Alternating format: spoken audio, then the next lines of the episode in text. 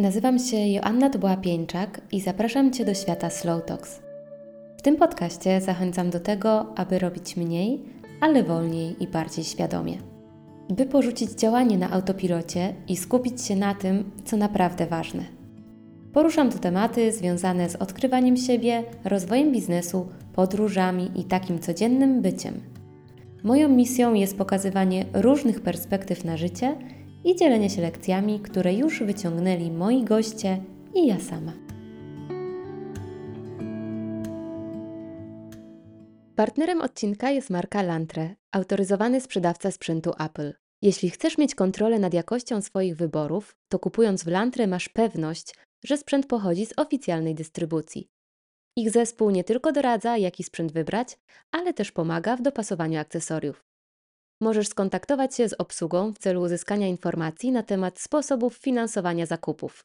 W sklepie Lantre czeka wiele atrakcyjnych propozycji zarówno dla osób prywatnych, jak i przedsiębiorców. Tak sobie myślę, że moja potrzeba kontroli w przeszłości była na naprawdę bardzo wysokim poziomie. I było to związane z różnymi czynnikami, które za chwilę wspólnie razem przeanalizujemy tutaj. I ja czasem zauważałam, że ta potrzeba kontrolowania zaczynała wręcz kontrolować mnie i w niektórych sytuacjach rodziła więcej stresu czy złości niż chociażby poczucia bezpieczeństwa. No bo ta kontrola, to poczucie kontroli na pewnym poziomie jest ważne, jest wręcz potrzebne, ale są też sytuacje, są też momenty albo nasze zachowania, w których po prostu, no właśnie, prowadzimy siebie już w bardzo niefajnym i trudnym emocjonalnie kierunku.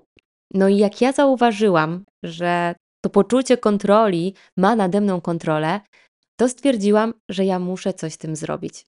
I zaczęłam tak kawałek po kawałeczku rezygnować, często z bólem, z tej chęci kontrolowania wszystkiego i zaczęłam wchodzić w taki tryb: zobaczymy, zobaczymy, co będzie. I w tym odcinku zapraszam w taką wspólną podróż, w której będziemy analizować, skąd w ogóle to poczucie kontroli się bierze, do czego może prowadzić i w jaki sposób można zacząć z nim pracować, żeby czerpać z kontrolowania więcej korzyści, albo żeby wyzbyć się tej potrzeby ciągłego kontrolowania wszystkiego i wszystkich. To zacznijmy od tego, z czego bierze się w ogóle taka potrzeba kontrolowania u każdego z nas, bo oczywiście ona może być na różnym poziomie, w zależności od naszych osobistych cech, preferencji, jakichś doświadczeń życiowych, czy nawet jest to zależne od kontekstu społecznego, kulturowego, od miejsca, w którym się wychowywaliśmy. Bo jak powiedziałam, ta cała kontrola, ona nie jest zła, ona jest nam potrzebna w różnych sytuacjach, ale właśnie zaczyna być zła, kiedy chcemy po prostu kontrolować wszystko, a przecież nie na wszystko mamy wpływ. I ja Wam powiem, że dla mnie to było naprawdę odkrycie. To była taka jedna z myśli zmieniających moje spojrzenie, jak kilka lat temu zdałam sobie sprawę tak świadomie, bo niby to wiedziałam, ale tak świadomie, świadomie zrozumiałam, że faktycznie nieważne jak ja będę przygotowana, nieważne co ja zrobię, to ja nie mam wpływu na to, jak zareaguje moje otoczenie, jak zareaguje świat, jakie wydarzenia się wydarzą, na które ja nie mam wpływu. No i tutaj często mam też taki filozoficzny dylemat, bo Wierzę też w efekt motyla, czyli że jakieś takie najmniejsze ruchy, kiedy ich będzie więcej, kiedy one będą skumulowane, powtarzane, mogą wpłynąć na coś, mogą wywołać jakiś efekt. I to jest takie dosyć spore uproszczenie, mówienie o tym, że ja nie mam wpływu na moje otoczenie albo nie mam wpływu na jakieś zachowania, bo gdzieś ten wpływ mój jest, ale chodzi o to, że ja nie mam na to stuprocentowego wpływu. Że to zawsze chociażby druga strona podejmuje decyzję, jak się zachowa w sytuacji, w której ja również jestem. Ja mogę dać rozwiązania, ja mogę mieć poprawną komunikację, zrezygnować z komunikacji pasywno-agresywnej, nastawić się na to, żeby być otwarta na to, jaką drugą, drogą pójdzie mój rozmówca, ale to on podejmuje ostateczną decyzję o tym, jaki wykona ruch. Więc uświadomienie sobie, że my możemy zadbać o naprawdę wiele rzeczy, ale nie mamy tej kropki nad i i gdzieś decyzja jest poza nami, naprawdę potrafi zmienić podejście do kontrolowania, ale już wyprzedzam swój tok myślowy i wrócę do tego, z czego w ogóle to poczucie kontroli może wynikać. Żebyśmy tak sobie to wszystko po kolei przeanalizowali. I po pierwsze, wydaje mi się, że to jest taka rzecz, która może od razu przychodzić do głowy, to to poczucie kontroli może wynikać po prostu z potrzeby bezpieczeństwa. No bo my naturalnie dążymy do tego, żebyśmy byli bezpieczni, zarówno fizycznie, jak i emocjonalnie. No a ta kontrola nad otoczeniem i sytuacjami może dawać nam to poczucie bezpieczeństwa, pomagając po prostu uniknąć jakiegoś niebezpieczeństwa. Bo przypominam i uważam, że odnoszenie się do tego, jak działali ludzie pierwotni, bez tej całej otoczki intelektualnej, którą mamy teraz, to naszym nadrzędnym celem jako ludzi jest przetrwanie. Więc aby przetrwać kiedyś, trzeba było mieć po prostu oczy dookoła głowy, a świat takiego człowieka pierwotnego zawężał się tylko do jakiegoś małego obszaru. No a obecnie, umówmy się, nasz świat to, to jest wręcz cały świat. Mamy dostęp do rozmaitych danych, do informacji z całego świata. Mamy ogromne tempo zmian i to wszystko sprawia, że to, ile mamy rzeczy do przetworzenia, ile mamy rzeczy do przepracowania i ile wiemy, może być naprawdę przytłaczające. A z tego właśnie rodzi się jakaś niepewność, której tak bardzo chcemy unikać. Te wszystkie informacje, mam wrażenie, że zamiast zwiększać nasze poczucie bezpieczeństwa, to je minimalizują.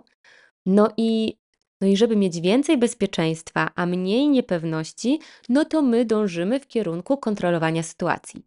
I wydaje nam się, że im więcej sytuacji przewidzimy, tym lepiej po prostu przygotujemy się na to, co się może wydarzyć, a w rezultacie, jak będziemy przygotowani, to lepiej poradzimy sobie z tym, co na nas czeka. Tylko ja stawiam tutaj pytanie, czy to nie jest złudne. Mówię złudne, dlatego że na ile my jesteśmy w stanie przetworzyć te wszystkie informacje, które do nas docierają, żeby wyciągnąć z tego te wnioski, które dadzą nam to poczucie bezpieczeństwa i zminimalizują niepewność.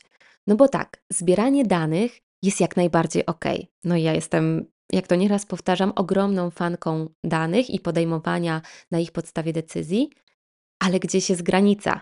Gdzieś jest granica tego, kiedy te dane kiedy chęć ich posiadania staje się dla nas takim paraliżem decyzyjnym, że nam się wciąż wydaje, że powinniśmy na przykład wiedzieć więcej i więcej, przez co nie podejmujemy decyzji, odwlekamy ją w czasie, bo chcemy być jak najbardziej przygotowani na sytuację, która następuje. Po drugie, zastanowienie się nad konsekwencjami naszych działań jest ok, ale ciągłe analizowanie tego no już nie bardzo, bo znowu wchodzi ten paraliż decyzyjny i my nie potrafimy zrobić kroku do przodu, bo ciągle jesteśmy w tej wiecznej rozkminie. A może tak, a może tak, a może w prawo, a może w lewo. I jest taki pewien punkt przegięcia, takie miejsce, do którego liniowo sobie rośnie, że wraz z ilością danych zwiększamy nasze poczucie bezpieczeństwa i zmniejszamy to poczucie niepewności, ale dochodzimy do takiego momentu, kiedy to zaczyna się wypłaszczać. Więc z każdą godziną, z każdym dniem poświęconym na zbieranie informacji, my w zasadzie już nie wpływamy na to swoje poczucie bezpieczeństwa i niepewności, a może wręcz przeciwnie, zaczynamy odbierać sobie poczucie bezpieczeństwa, a zwiększać poczucie poczucie niepewności, bo wiemy coraz więcej i coraz więcej różnych scenariuszy, które niekoniecznie są dla nas ok, zaczyna przychodzić nam do głowy. No bo właśnie, to jest kolejne pytanie, dużo pytań, ale na ile my mamy kontrolę, a na ile żyjemy też w jakichś przekonaniach, w jakimś poczuciu, że coś jest dla nas bezpieczne albo mniej niepewne. I ja uwielbiam taki przykład z książki Antykruchość Nasima Nikolasa Taleba, dlatego że on też dał mi jakoś tak wewnątrz mnie więcej spokoju i takiej pewności, dodał jakieś siły. A propos tego, jak niektóre nasze wyobrażenia mogą zniekształcać rzeczywistość. I to jest przykład dotyczący takiego przekonania o tym, że praca na etacie jest bezpieczniejsza, pewniejsza, stabilniejsza niż praca na swoim. I praca na swoim, w szczególności na tym początkowym etapie, kiedy dopiero zaczynamy się rozwijać, zaczynamy pozyskiwać klientów, kiedy ta sytuacja finansowa nie jest w jakiś sposób zrównoważona i w zasadzie każdy miesiąc jest jakimś znakiem zapytania. I jak dobrze pamiętam, to on w tej książce powołuje się na przykład chyba dwojga braci, z czego jeden pracuje w banku, a drugi jest taksówkarzem, czyli jeden pracuje na etacie, a drugi pracuje na taksówce. I on mówi, obala wręcz to przekonanie o tej stabilności i pewności długoterminowo też w pracy na etacie, dlatego że my, będąc w pracy na etacie, wydaje nam się, że mamy zapewniony ten stabilny dochód. No i tak, on jest zapewniony, tylko on też w każdym momencie może zostać przerwany. I na początku zazwyczaj ma się ten jeden miesiąc wypowiedzenia, później chyba po trzech latach przechodzi się na trzymiesięczny okres wypowiedzenia, ale wciąż ta nasza stabilność jest ograniczona. Ona nie jest zapewniona na zawsze. W dodatku wcale gwarancją tej stabilności nie jest to, że będziemy co miesiąc zdobywać odznakę pracownika miesiąca, dlatego że mogą się różne inne nieprzewidziane rzeczy dookoła wydarzyć, które będą wpływały na nasze otoczenie. Na to, że na przykład firma zacznie przynosić straty, na to, że firma w ogóle się zamknie i będzie potrzebowała zwolnić wszystkich pracowników. Jest dużo sytuacji, na które będąc na etacie nie mamy wpływu, nieważne jak bardzo byśmy się starali. Za to w przypadku pracy na własnej działalności my ten wpływ mamy większy. Wciąż nie mamy wpływu na wiele rzeczy, które dzieją się w naszym otoczeniu, ale mamy wpływ na to, w jaki sposób wykorzystamy te zmiany, które dookoła nas się dzieją. I tam był taki przykład odnośnie tego taksówkarza pracującego na swoim, że jeżeli zacznie się zauważać te szanse i zacznie się być elastycznym a propos zmian, porzuci trochę tą chęć kontrolowania wszystkiego i tkwienia przy jakichś założeniach, które się miało, to można wygrać, można zdobyć więcej. I ta historia z tym taksówkarzem polegała na tym, że on po prostu miał właśnie tą umiejętność reagowania na to, co przynosiło otoczenie i co przynosiły sprawy, na które on nie miał wpływu. W związku z tym, jeżeli jeździł na tej taksówce i okazywało się, że w jednym rejonie miasta było mniej zleceń, to on po prostu mógł dosyć szybko zdecydować o tym, że przerzuci się na inny rejon mógł monitorować zachowania ludzi i decydować o tym, w jakim miejscu w mieście danego dnia się pojawi, tak aby zgarniać najlepsze zlecenia. Mógł też ze swoją, tak zarządzać swoją wiedzą, aby korzystać z sytuacji, które pojawiały się na rynku i na przykład w jakiś lekki sposób przebranżawiać się, wciąż działając na swojej działalności. Czyli miał w sobie tą elastyczność i z miesiąca na miesiąc mógł decydować, gdzie pokieruje swoją energię po to, aby czerpać największy zysk. I tam w kontrze po prostu był postawiony pracownik banku, który przez kilkanaście lat miał tą ciepłą posadę, która no, dawała mu to poczucie stabilności i bezpieczeństwa, ale w wieku 50 lat, dajmy na to, nagle zaczęła się redukcja etatów i on stracił tą pracę. I w zasadzie miał wyuczone umiejętności. Oczywiście miał tą wiedzę taką specjalistyczną, ale też miał bardzo sobie dużo rzeczy domenowej i trudniej było mu się przestawić na to, żeby znaleźć gdzieś indziej pracę, bo ta jego elastyczność i ta umiejętność przystosowywania się do zmian była o wiele mniejsza. To jest jeden z przykładów, bo to nie jest tak, że pracując na etacie będzie w nas mniej tej elastyczności i mniej skłonności do zmiany w porównaniu do pracy na swoim, bo to wszystko zależy od naszych predyspozycji, od tego, jak działamy, od tego, co jest dla nas ważne. Ale chodzi o to, że jest takie przekonanie, że praca na etacie będzie stabilniejsza i bezpieczniejsza, ale to nie jest prawdą, dlatego że tam też czeka niepewność i tam też w każdym momencie możemy zostać postawieni przed faktem, że musimy dokonać jakichś zmian, które będą niezależne od nas. I warto to mieć z tyłu głowy i warto weryfikować swoje niektóre wyobrażenia, które mogą zniekształcać rzeczywistość, bo usłyszeliśmy coś tysiąc razy i przyjęliśmy to jako pewnik, a wcale tak nie jest. Kolejną rzeczą, dlaczego tej kontroli tak bardzo potrzebujemy, jest taka chęć bycia no, panią, panem swojego losu.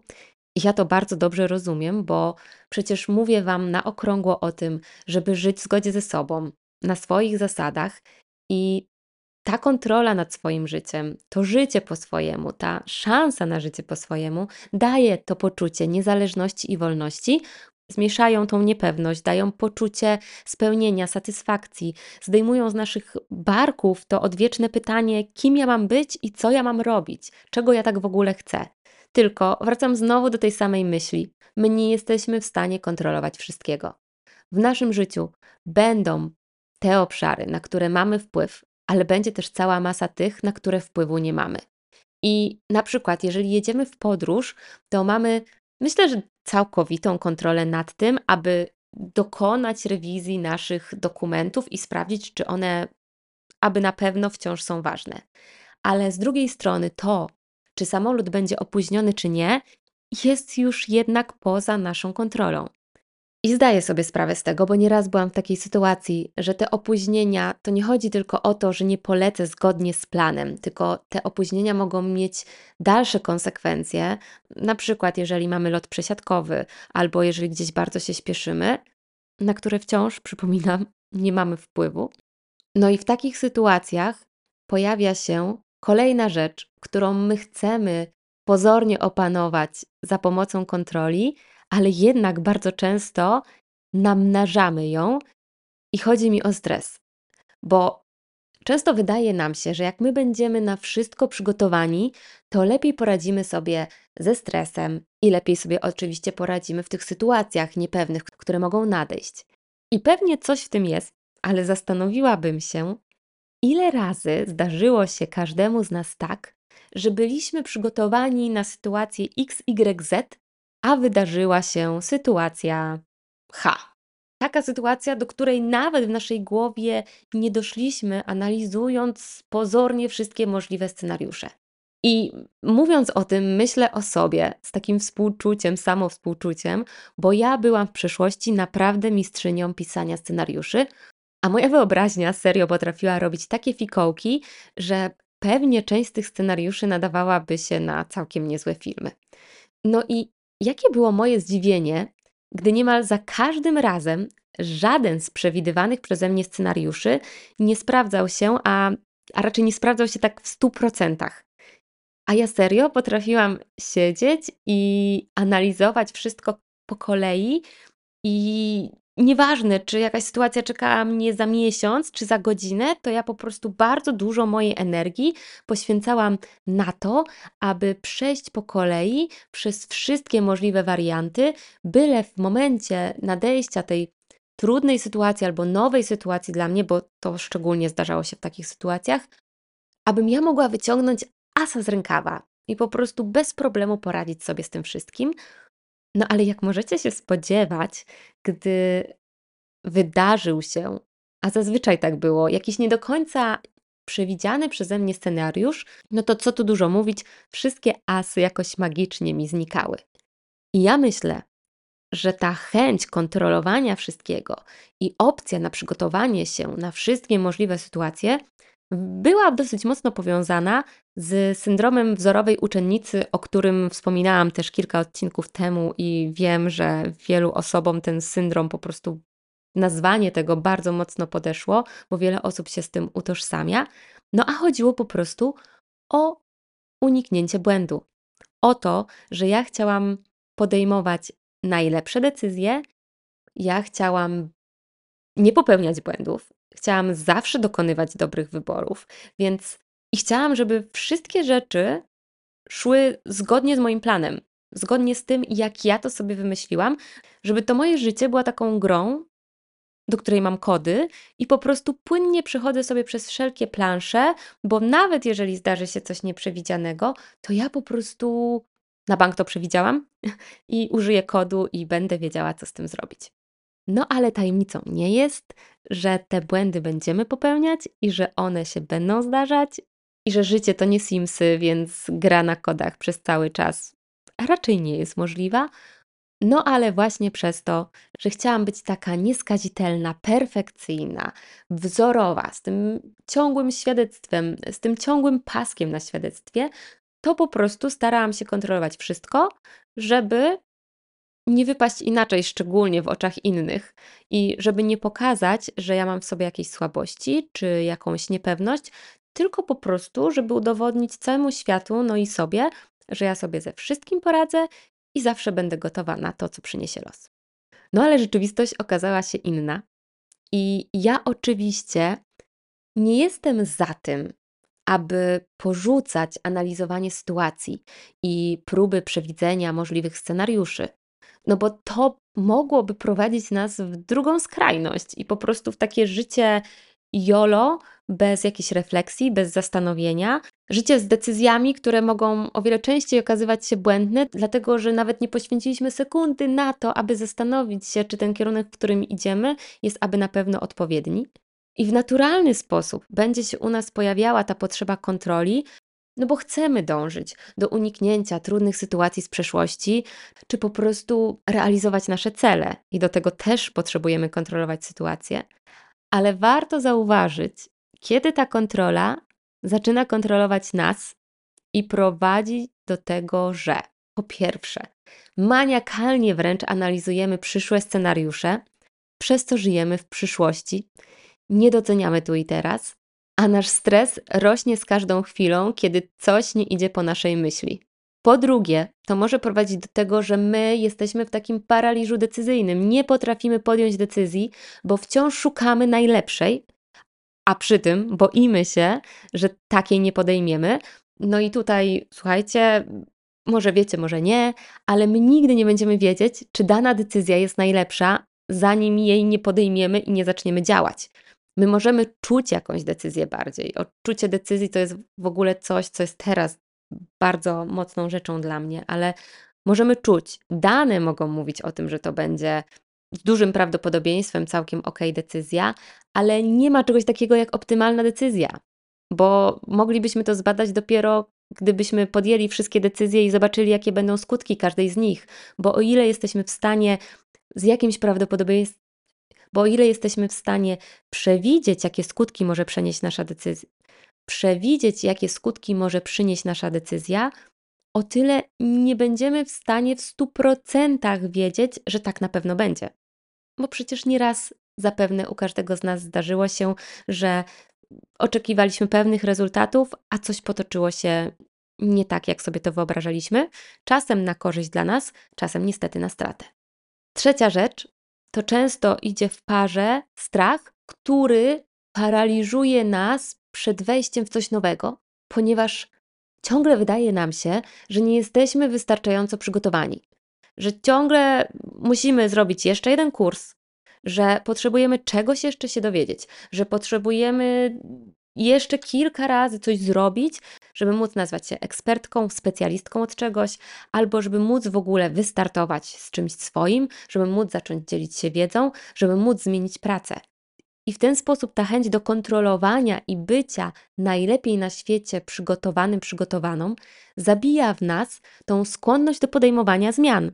Bo wciąż powtarzamy sobie i innym, że my jeszcze musimy zrobić A, żeby wydarzyły się kolejne rzeczy.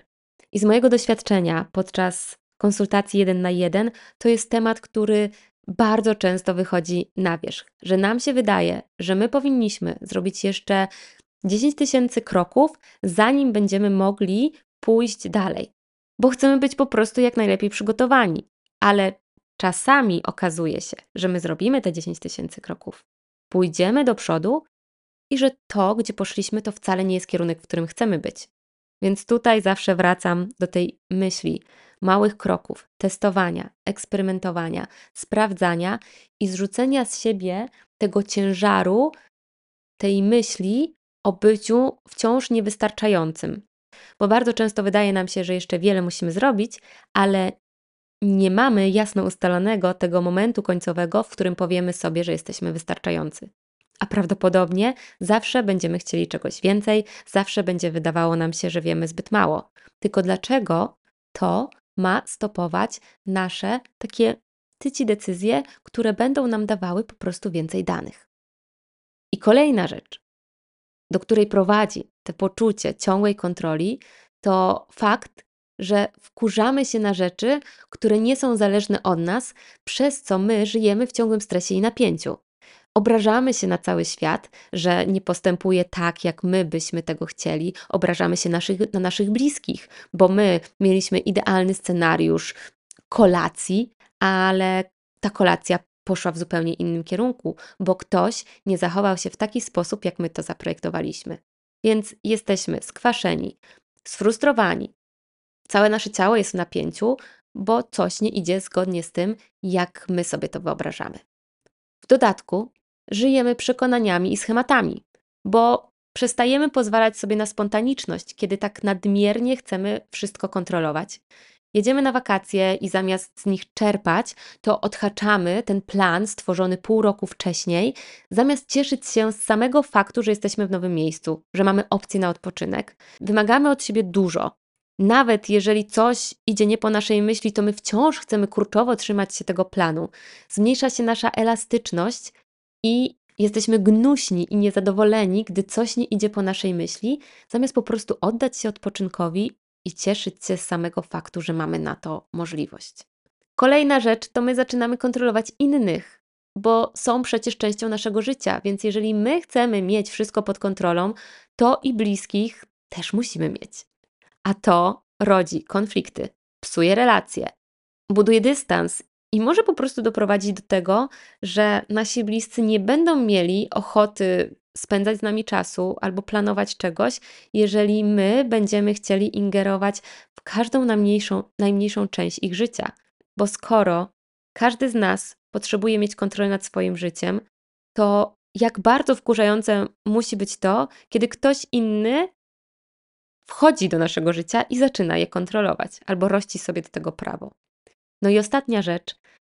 Pragnąc tej ciągłej kontroli, my żyjemy w strachu i w ciągłym podważaniu swoich decyzji. Przestajemy ufać sobie. Tak bardzo chcemy wszystko kontrolować, że chcemy kontrolować swoje myśli, więc jeżeli pojawia się jakieś zwątpienie, to zaczynamy jeszcze mocniej wątpić. To zaczynamy jemu ulegać, bo nie ufamy sobie, bo nie wierzymy w to, że my po prostu możemy coś czuć, albo nie dajemy sobie prawa do tego, żeby zaryzykować, popełnić błąd, nauczyć się z niego, a w przyszłości podjąć inną decyzję. No dobra, i co z tym wszystkim zrobić? I ja tak sobie myślę, że jest kilka takich rzeczy. To są rzeczy, które ja zrozumiałam przez ostatnie lata.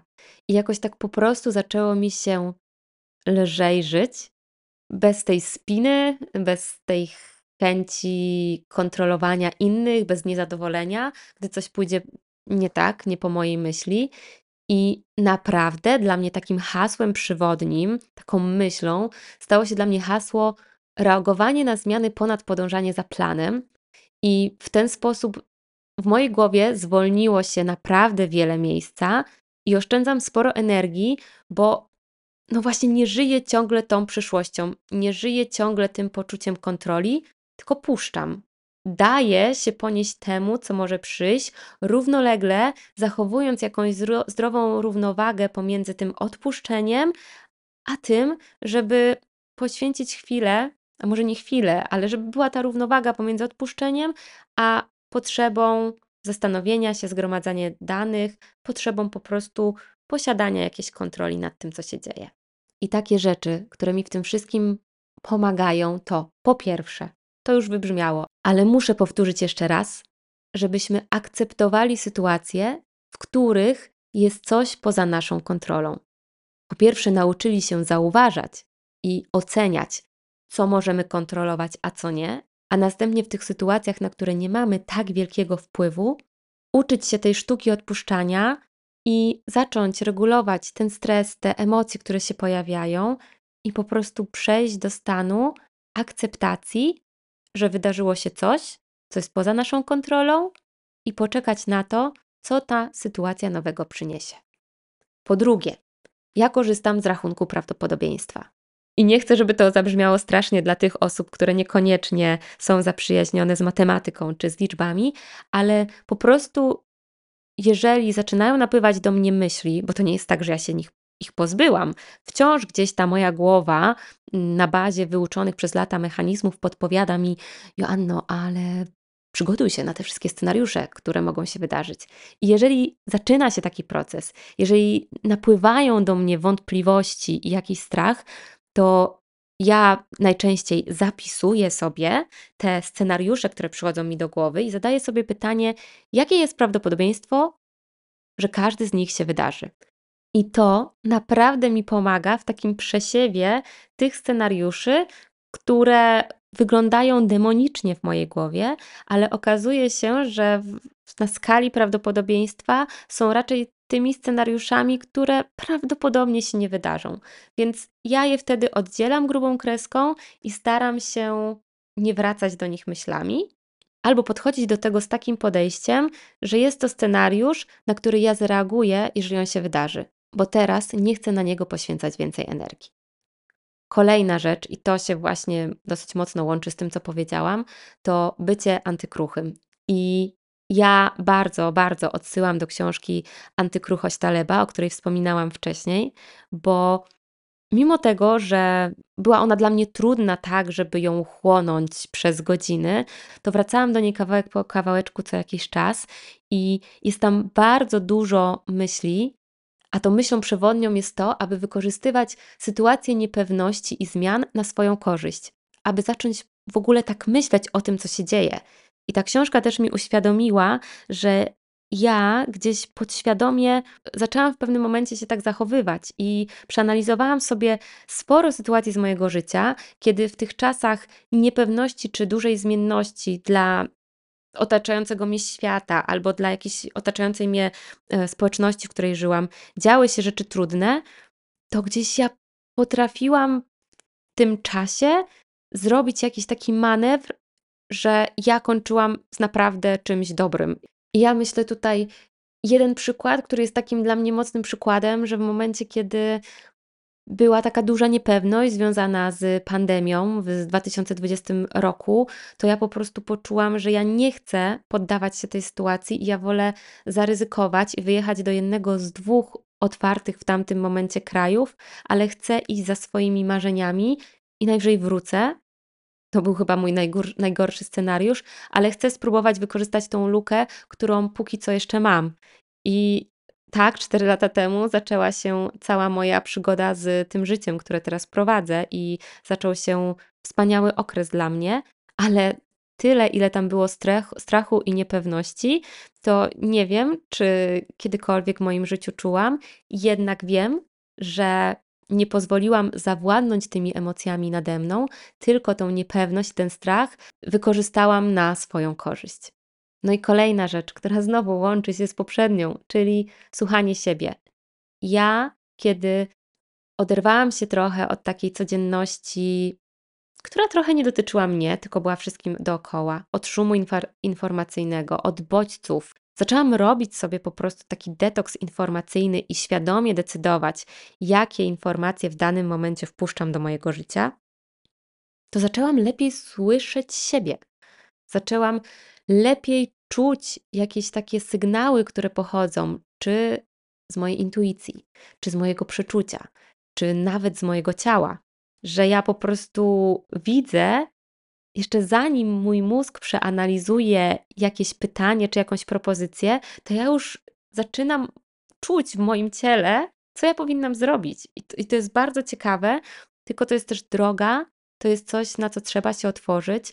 To jest właśnie to ciągłe odkrywanie siebie, gadanie ze sobą. To jest to wszystko, o czym powtarzam nieraz w tym podcaście, żeby mieć tą łączność ze swoim wnętrzem, ze swoją intuicją, żeby po pozwolić sobie na odrzucenie tego racjonalnego myślenia, pozwolić sobie na odrzucenie pewnych przekonań i po prostu gdzieś zaufać w sobie, no bo my z każdym rokiem powiększamy skarbiec naszych doświadczeń i jeżeli jeszcze w nas jest dużo ciekawości, pracujemy ze sobą, odkrywamy nowe informacje, to gromadzimy coraz więcej wiedzy i coraz bardziej wzmacniamy tą naszą intuicję, to nasze przeczucie, które naprawdę są fantastycznym narzędziem do podejmowania decyzji, myślę, obok tych danych, tego rachunku prawdopodobieństwa, tych konkretów.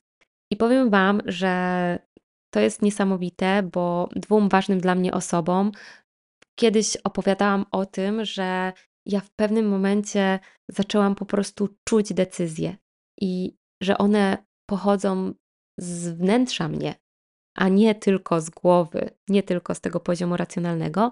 I pamiętam, że nie poczułam wtedy jakiegoś zrozumienia w tych dwóch osobach, i one do mnie po jakimś czasie wróciły i powiedziały, że jak im o tym wtedy opowiadałam, to one nie do końca wiedziały o co mi chodzi.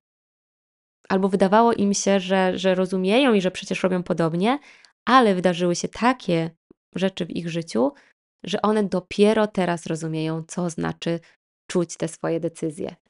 I ja nie wiem, czy umiem o tym opowiadać, ale czucie decyzji na pewno jest dla mnie też takim mechanizmem, który pomaga mi pozbywać się tej chęci nadmiernej kontroli. Kolejnym mechanizmem jest też to, żeby zaakceptować, że my możemy popełniać błędy. I że ta wzorowa uczennica może w nas siedzieć i może się odzywać, ale ważne, żeby ją zauważyć i powiedzieć jej, żeby sobie odpuściła. Że ta trójka na świadectwie to naprawdę w skali życia nie będzie za wiele znaczyć. Więc błędy będziemy popełniać, tylko fajnie patrzeć na nie jako coś, z czego możemy się uczyć. Z tym przyjdzie prawdopodobnie większa akceptacja dla nich. I ja wręcz uważam, że to popełnianie błędów jest fajne, bo gdybyśmy żyli tylko w naszej nieomylności, to mogłoby to nas nie prowadzić do nowych odkryć, do zmian, do otwierania się na różnorodność tego świata. Więc ta otwartość na popełnianie błędów może nam pomóc też poradzić sobie z tym nadmiernym poczuciem, nadmierną chęcią kontroli, a to wiąże się z kolejną rzeczą, czyli też z otwartością na nowe sytuacje i ciekawością, z taką śmiałością do tego, żeby żyć i być ciekawym na to, co może czekać za rogiem, bo my, chcąc zapewnić sobie poczucie bezpieczeństwa, czasem zbyt mocno zamykamy się w takiej złotej klatce, w której wydaje nam się, że jest ciepło i bezpiecznie, ale de facto odbieramy sobie w ten sposób na czerpanie z nowości, na czerpanie z tego, co może być po prostu poza tą klatką, bo tam może być jeszcze fajniej. Kolejna rzecz, czyli umiejętność regulacji emocji i odpuszczanie. Praca z emocjami jest niezwykle ważna, żeby po pierwsze umieć zauważyć, co się w nas dzieje, a dzięki temu odpowiednio móc zregulować i zadziałać z tym, żeby te emocje nie zaprowadziły nas do miejsca, w którym nie chcemy być. Jeżeli dzieje się coś, co jest od nas niezależne, a w nas pojawia się złość, to to jest normalna reakcja, bo mogliśmy na coś bardzo, bardzo długo czekać mieć z tym związane również bardzo duże oczekiwania, a coś nie idzie po naszej myśli, to ta złość jest wręcz normalna. Tylko fajnie ją zauważyć i zastanowić się, czy my w tej złości chcemy trwać, czy my chcemy, żeby ona przerodziła się we frustrację, czy my chcemy narzekać, czy my chcemy się w niej taplać, czy może chcemy po prostu odpuścić i zadecydować, że pomimo tego, że coś nie potoczyło się zgodnie z naszymi myślami, to my jednak chcemy czuć się dobrze, więc może potrafimy wykorzystać tą sytuację na naszą korzyść w inny sposób. A może po prostu wystarczy pogodzić się z tym, że jednak coś, na co czekaliśmy, wygląda inaczej i zastanowić się, co w przyszłości możemy zrobić, żeby lepiej zabezpieczyć się w takiej sytuacji.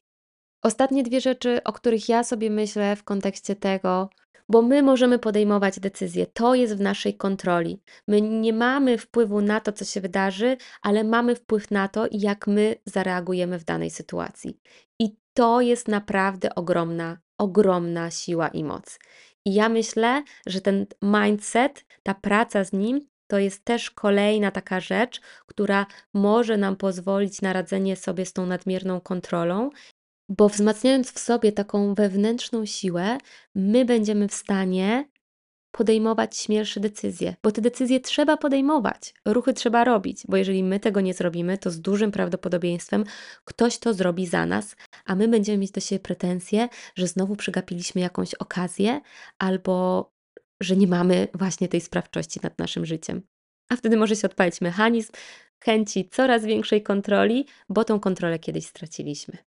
I ostatnia rzecz, myślę, że taka nawet najważniejsza, od której warto zacząć, to uświadomienie sobie, skąd ta potrzeba kontroli się w ogóle bierze i co ona nam robi.